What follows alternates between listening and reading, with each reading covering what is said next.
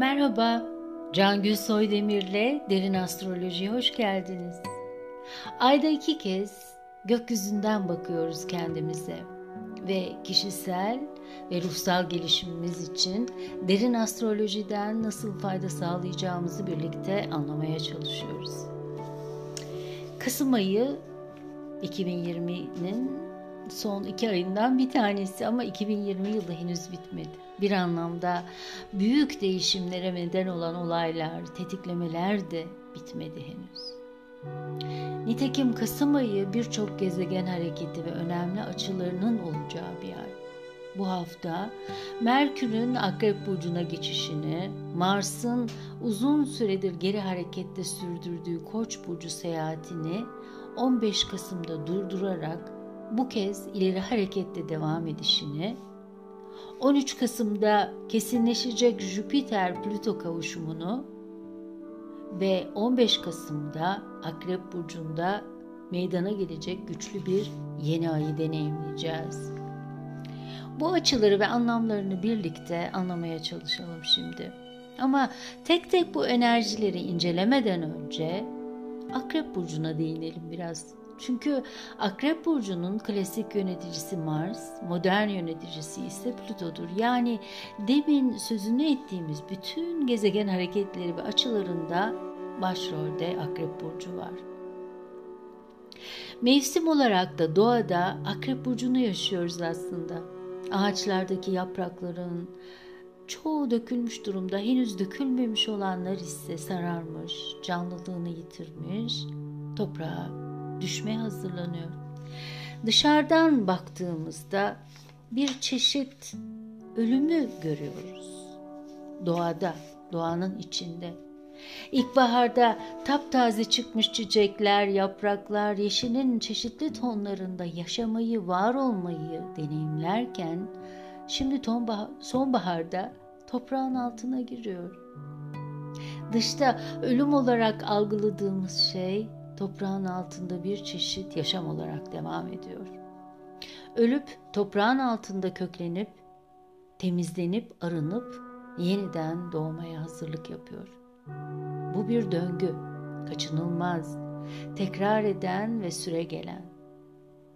Akrep burcunun klasik yöneticisi Mars hayatta kalmayla ilgilidir. Modern yöneticisi Plüto ise yani mitolojideki Hades yeraltı tanrısını anlatır. Akrep burcu da bu yaşam ve ölüm ve dönüşüm temaları ile ilgilidir. Psikolojik düzeyde bilinç dışını simgeler. Ölümü, karanlığı ve karanlıktan aydınlığa çıkış sürecini anlatır. Su elementindedir Akrep burcu. Ama bu su içinde donmuş ve travmalarla korkularla birikmiş, mutlaka arıtılmaya, süzülmeye, temizlenmeye ihtiyaç duyulan bir sudur. Psikolojik anlamda bilinç dışımızdaki farkında olmadığımız veya bastırdığımız dürtüleri, kompleksleri, travma ve korkuları simgeler. Bu tip duygulara, dürtülere bakmaktan korkarız çoğunlukla. Hatta kimi zaman var olduklarından bile haberdar olmayabiliriz. Onlar karanlıktadır bizim için. Aynı Plüto gibi karanlığın içinde daha da güçlenir ve yaşamımızı yönetirler. O nedenle de onları ışığa çıkarmadan huzur bulamayız bir türlü. Korkuyla gizlendiğimiz maskelerin ardında yaşarken gerçek kimliğimizi bulmak imkansızlaşır. Ve bu sahte kimlik bir anlamda ölmeden özgün benliğimize de kavuşamayız.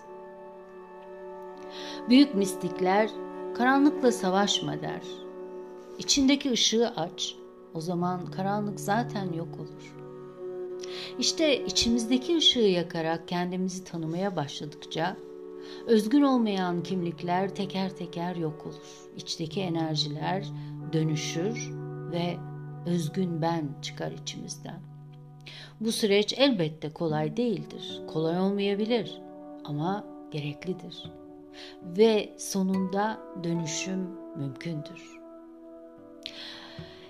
Kolektifte 2020 yılının başından beri çeşitli olaylar ve salgın nedeniyle hem fiziki ölümleri bu olaylar beraberinde getirdi hem de metaforik olarak eski yapıların, alışkanlıkların, yaşam biçimlerinin ölümünü ve bu süreç devam etmekte. İç içe geçmiş büyük döngüler dünyamızı değişime doğru götürüyor. Akrep burcundaki gibi öl ve yeniden doğ. Karanlıktan ışığa geç. Artık çürümüş olanı bırak, yeni yapılar oluştur diyor. Jüpiter ve Plüto kavuşumu 2020'nin ilk baharında ve yazında iki kez Oğlak Burcu'nda bir araya geldiler ve onların bu kavuşumunda koronavirüsü salgınıyla neden, salgını nedeniyle büyük ölümler meydana geldi.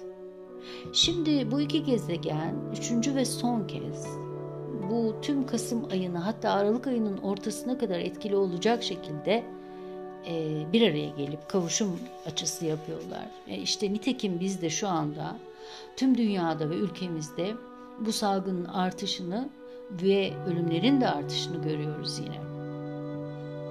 Bireysel olarak ise bizlerin haritalarında Oğlak Burcu'nun ve bu kavuşumun olduğu alan neredeyse o alanda bireysel olarak etkiler alabiliriz.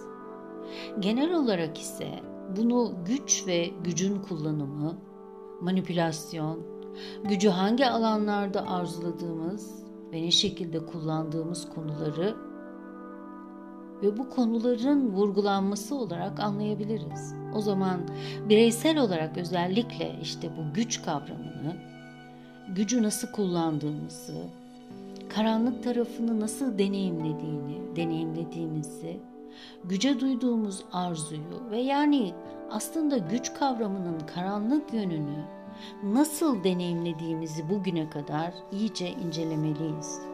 Yani güç temasına bir ışık yakmalıyız. Bu temanın karanlık tarafının ölmesine izin vermeli ve içimizde yeni, sağlıklı bir güç yapısı oluşturmaya soyunmalıyız. Her Jüpiter-Plüto kavuşumunu bireysel yaşamlarımızda 13'er yıllık döngüler olarak düşünürsek artık eski 13 yıl bu Kasım ayı ile bitiyor. Yeni 13 yıllık döngüyü daha sağlam, doğru ve yeni bir yapıyla başlatmak istemez misiniz? Hepimizin amacı bu olmalı aslında. Bunu yapabilmek için gerekli cesaret ve enerjiyi Mars bu hafta sonu artık ileri harekete geçerek bize sağlayacaktır. Aynı şekilde 15 Kasım'daki yeni ay, Akrep Burcu'nda olacak yeni ayda güçlü enerjilerle bize bu yeni tohumu atmamız için destek verecek. Kasım ayı çok önemli.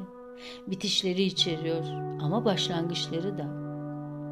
Her bitiş bir yeni başlayış ve nasıl sonlandırdığımız yeniye nasıl başlayacağımızı belirler.